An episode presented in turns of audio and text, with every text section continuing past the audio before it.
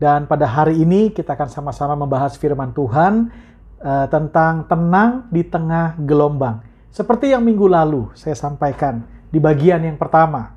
Buat Bapak Ibu Saudara yang belum menyaksikan tayangan ibadah online di bagian yang pertama atau minggu lalu tentang tenang di tengah gelombang, bisa searching di YouTube dan klik linknya. Dan hari ini saya akan bicara tentang tenang di tengah gelombang bagian yang kedua. Sebelum saya mulai masuk kepada pembahasan bagian yang kedua, saya rindu untuk saya bisa kembali uh, review ya untuk mengingat kembali apa yang saya bahas di minggu lalu dan salah satunya adalah keuntungan orang yang tenang ya, keuntungan orang yang memiliki hati yang tenang. Firman Tuhan mengajar kita, firman Tuhan mengarahkan kita apa yang menjadi keuntungan untuk orang yang memiliki hati yang tenang ya. Dalam kitab Amsal 14 ayat 30 kita ambil kesimpulan bahwa hati yang tenang akan menyegarkan tubuh ya Amsal 14 ayat 30, hati yang tenang akan menyegarkan tubuh. Dalam 1 Petrus 4 ayat yang ketujuh, kesimpulannya bahwa hati yang tenang membuat kita uh, bisa berdoa. Sekali lagi, hati yang tenang membuat kita bisa berdoa. Dalam kitab uh, pengkhotbah pasal yang 4 ayat yang ke-6, kesimpulannya adalah hati yang tenang ya akan membuat kita akurat atau tepat dalam bertindak, dalam memutuskan, dalam bekerja, dalam mengerjakan segala sesuatu. Itulah keuntungan setiap orang yang memiliki ketenangan dalam manusia batiniahnya, ketenangan di dalam batinnya. Dan hari ini dalam session yang kedua saya rindu untuk menyampaikan firman Tuhan tentang tetap tenang di tengah gelombang dan apa yang saya ingin bagikan pada hari ini berbicara tentang bagaimana kita meraih ketenangan. Ya, bagaimana kita bisa tetap tenang meski di tengah gelombang bagaimana kita bisa tetap tenang melewati segala sesuatu, setiap situasi yang kita alami dalam kehidupan kita, baik itu situasi yang kita sukai atau mungkin situasi dan kondisi yang kita tidak sukai. Nah, hari ini sama-sama kita lihat Alkitab kita, kita lihat kebenaran firman Tuhan, bagaimana kita meraih yang namanya ketenangan di dalam kehidupan. Yang pertama, Bapak Ibu Saudara, mari sama-sama kita lihat Mazmur pasalnya yang ke-62, ayatnya yang pertama sampai dengan ayatnya yang kedua. Demikian firman Tuhan. Untuk pemimpin biduan, menurut Yedutun Mazmur Daud, hanya dekat Allah saja aku tenang, daripadanya lah keselamatanku. Sekali lagi, ayatnya yang kedua kita bisa lihat sama-sama di situ dikatakan, hanya dekat Allah saja aku tenang, daripadanya lah keselamatanku. Nah, saudaraku yang dikasih oleh Tuhan, dari firman Tuhan yang baru saja kita baca, kita bisa melihat bahwa sumber ketenangan bukan di tempat rekreasi, sumber ketenangan bukan di tempat-tempat di mana ada keramaian, sumber ketenangan bukan di tempat di mana kita menyalurkan atau menjalankan hobi kita, tetapi sumber ketenangan secara batinia Alkitab mengajar kita, Raja Daud menuliskan dalam kitab Mazmur dikatakan hanya dekat Allah saja aku tenang. Saudara, hanya dekat Allah saja aku tenang. Itulah sumber daripada ketenangan setiap orang percaya. Ada orang berkata, kita tenang pak kalau kita punya uang. Tapi sekali lagi, uang mudah digoncangkan, uang bisa habis. Ada orang berkata, kita bisa tenang pak kalau kita punya koneksi. Kalau kita punya relasi, orang-orang penting, para pejabat, para pengusaha.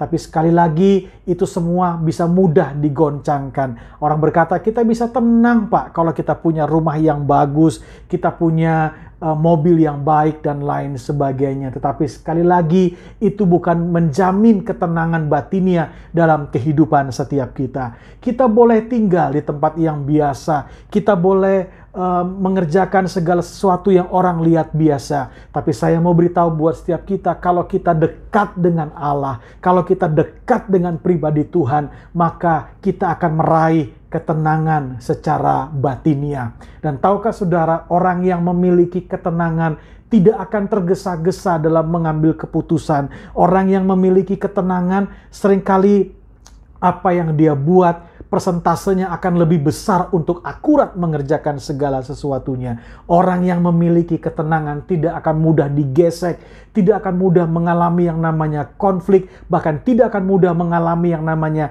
menyakitkan perasaan orang lain, menyakitkan perasaan pribadi yang lain. Orang yang tenang, ya, orang yang tenang, apa pun situasi, badai yang terjadi, gelombang yang terjadi dalam kehidupan, dia akan tetap memiliki ketenangan, memiliki kedamaian di dalam hatinya. Oleh karena itu firman Tuhan mengajar kita. Saya percaya setiap saudara mau tenang. Apalagi di situasi dan kondisi yang tidak menentu pada hari-hari ini.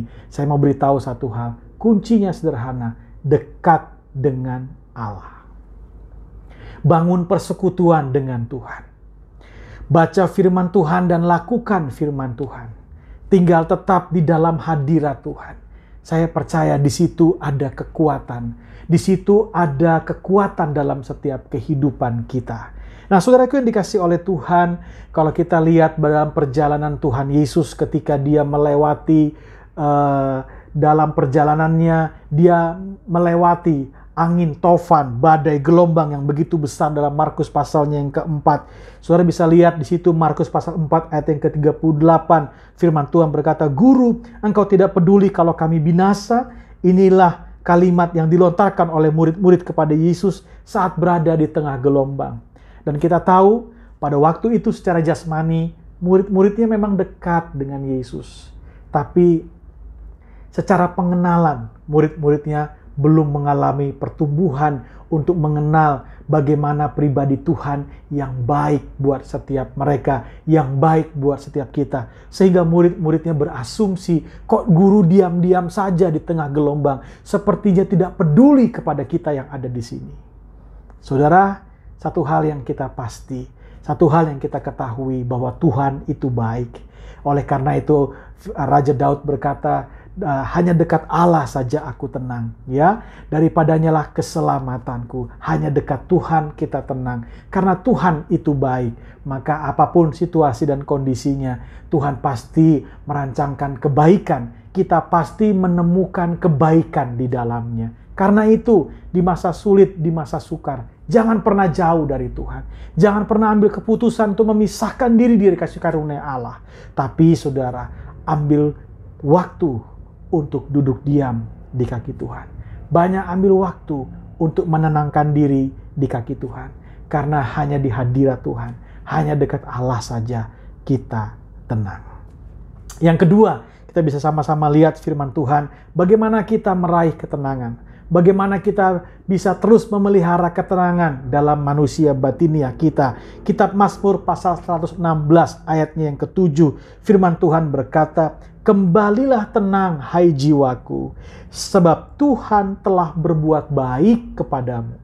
Ya, kembalilah tenang, hai jiwaku, sebab Tuhan telah berbuat baik kepadamu. Saudara, dari ayat ini kita bisa simpulkan sederhana apa yang kita bisa pelajari menjadi poin dalam kehidupan kita untuk kita bisa mendapatkan ketenangan dalam kehidupan. Yang kedua adalah mengingat kebaikan Tuhan, mengingat perbuatan yang Tuhan sudah kerjakan, yang Tuhan sudah perbuat dalam kehidupan setiap kita. Saya percaya di masa sulit, di masa sukar, di masa yang penuh dengan gelombang yang begitu hebat.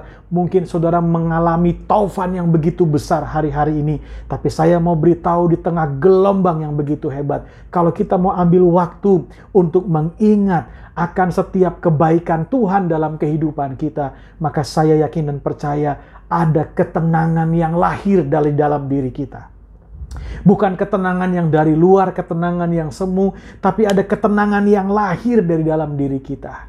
Ada ketenangan, ada damai, ada sukacita yang ada dalam diri kita karena kita mengingat setiap kebaikan Tuhan yang Tuhan sudah berikan, yang Tuhan sudah perbuat yang Tuhan sudah kerjakan dalam kehidupan setiap kita. Saudaraku, di tengah-tengah masa sulit, di tengah-tengah masa sukar yang saya alami, saya sering kali mengambil waktu untuk duduk diam di kaki Tuhan, untuk mengingat setiap kebaikan Tuhan, untuk mengingat setiap perbuatan Tuhan dalam kehidupan saya. Dan di tengah-tengah hal yang demikian, saya mengalami yang namanya ketenangan, saya mengalami yang namanya kekuatan yang baru.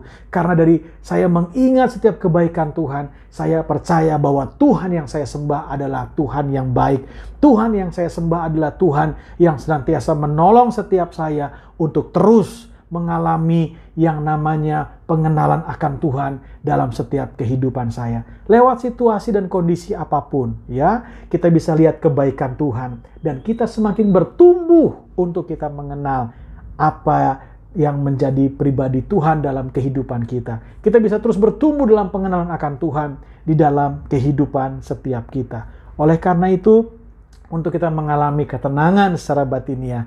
Alkitab mengajar kita sama-sama. Yuk kita ingat kebaikan Tuhan. Kita ingat apa yang Tuhan sudah perbuat. Kita ingat apa yang Tuhan sudah kerjakan di dalam kehidupan setiap kita. Yang ketiga, untuk kita bisa mengalami ketenangan dalam kehidupan. Kita buka sama-sama Amsal 14 ayat 30. Sekali lagi, Amsal pasal 14 ayat yang ke-30. Kita akan sama-sama lihat firman Tuhan berkata demikian. Hati yang tenang menyegarkan tubuh, tetapi iri hati membusukkan tulang. Saudara dari ayat firman Tuhan ini kita bisa lihat bahwa hati yang tenang akan menyegarkan tubuh, ya. Ternyata kalau hati kita tenang, tubuh kita itu segar karena kita tenang ya. Bahkan di beberapa tempat saya sering mendengar sering kali sakit penyakit muncul karena kekhawatiran yang amat sangat dalam diri manusia. Tapi kalau dalam diri kita ada ketenangan ada sukacita itu menyegarkan tubuh kita. Karena itu firman Tuhan berkata hati yang gembira adalah obat ya saudara. Jadi ketenangan itu akan menyegarkan tubuh kita. Di tengah situasi uh, pandemi pada hari-hari ini dibutuhkan imunitas tubuh yang kuat. Nah, untuk punya imunitas tubuh yang kuat, selain berolahraga dan lain sebagainya, saudara dan saya juga memiliki ketenangan secara batinia. Karena itu akan menyegarkan tubuh setiap kita. Jadi poin yang kedua kita bisa lihat, hati yang tenang menyegarkan tubuh, tetapi iri hati membusukkan tulang. Jadi yang kedua, yang ketiga maksud saya ya, yang ketiga, hati yang kita bisa lihat tentang ketenangan dari ayat firman Tuhan ini, kita bisa simpulkan yang ketiga adalah jangan iri hati. Nah, ini dia. Jangan sampai ada iri hati dalam kehidupan kita, ya. Iri hati sering kali disebabkan karena kita suka membanding-bandingkan diri kita dengan orang lain. Ya. Seringkali kita suka membanding-bandingkan diri kita dengan orang lain. Nah, di tengah-tengah situasi uh, sekarang ada sosial media dan lain sebagainya, mudah untuk kita terjebak membanding-bandingkan diri kita dengan orang lain. Nah, ini bahaya ya sering kali membuat kita iri hati. Bahkan kita suka lihat teman-teman kita mungkin sudah ada yang bisa liburan. Nah, mungkin beberapa dari kita bukannya liburan tapi malah makannya yang libur. Karena ada kebutuhan-kebutuhan kehidupan sehari-hari yang sulit untuk kita bisa penuhi semuanya. Saudaraku yang dikasih oleh Tuhan kalau kita lihat membandingkan diri kita dengan orang lain, sering kali kita muncul iri hati dan berkata, Tuhan, Tuhan saya enggak sih sama saya? Kok yang lain Tuhan tolong? Kayaknya saya enggak. Kok orang lain udah bisa liburan? Saya kok belum. Kok orang lain sudah bisa tertawa? Saya kok masih menangis. Kita terus bandingkan diri kita orang lain. Sehingga sering kali kita jadi meragukan kebaikan Tuhan dalam kehidupan kita. Hati kita gundah gulana. Hati kita tidak tenang lagi. Saudara, satu hal yang pasti Tuhan punya rencana buat masing-masing orang. Garis bawahi, Tuhan punya rencana buat masing-masing pribadi. Yang kedua, cara Tuhan menolong saudara, cara Tuhan menolong saya, cara Tuhan menolong orang-orang di sekeliling kita beda. Jadi, Tuhan punya rencana buat saudara, Tuhan juga punya rencana buat orang-orang yang ada di sekeliling saudara, Tuhan juga punya rencana buat setiap pribadi yang lain. Tuhan punya rencana buat saya. Jadi tidak perlu kita membanding-bandingkan diri kita dengan orang lain. Percayalah kasih Tuhan sempurna buat kita semua. Yang terakhir yang keempat, saudara, ya Yakobus pasal yang pertama ayat yang ke-8. Yakobus pasal yang pertama, ayat yang ke-8, firman Tuhan berkata, "Sebab orang yang mendua hati tidak akan tenang dalam hidupnya." Ya, orang yang mendua hati tidak akan tenang dalam hidupnya. Ya, orang yang hatinya mendua tidak akan pernah tenang dalam kehidupannya. Karena itu, janganlah mendua hati. Saudara di tengah situasi dan kondisi dalam tekanan yang begitu hebat, kita butuh survive dan lain sebagainya. Seringkali banyak tawaran dan tawaran untuk survive, kadang-kadang tawaran-tawaran yang duniawi yang membuat kita jauh kepada Tuhan, yang membuat kita jauh daripada kebenaran firman Tuhan. Saudaraku yang dikasih oleh Tuhan, hari ini kita diingatkan, yuk tetap fokus untuk hidup dalam kebenaran firman Tuhan. Karena orang yang mendua hati tidak akan tenang hidupnya. Saudaraku yang dikasih oleh Tuhan, mari sama-sama. Ya, saya percaya kalau saya tanya hari ini, Berapa banyak saudara yang mau tenang? Pasti semua kita mau tenang. Dan hari ini kita belajar, hanya dekat Allah saja kita tenang. Ya, hanya dengan mengingat Tuhan kita akan memperoleh ketenangan itu. Yang ketiga, jangan iri hati, Saudara. Ya, jangan iri hati, jangan banding-bandingkan diri saudara dengan orang lain. Kalau saudara bisa lihat ke dalam bagaimana apa yang Tuhan sudah buat dan kerjakan, saya percaya kita akan bisa melihat kebaikan Tuhan ya yang luar biasa yang kira pernah kita alami dalam kehidupan setiap kita masing-masing. Yang keempat, Alkitab mengajar kita jangan mendua hati, tetap hidup dalam kebenaran firman Tuhan. Karena orang yang mendua hati, Alkitab berkata, tidak akan tenang dalam hidupnya. Saudara yang dikasih oleh Tuhan, itu saja firman Tuhan yang saya bisa bagikan pada hari ini. Mari sama-sama kita berdoa. Bapak dalam nama Tuhan Yesus Kristus kami mengucap syukur untuk kemurahan dan anugerah Tuhan dalam kehidupan kami. Tuhan berikan kami ketenangan. Bawa kami untuk terus dekat dengan Tuhan. Bawa kami untuk kami tidak membanding-bandingkan diri kami dengan orang lain. Bawa kami Tuhan. Untuk kami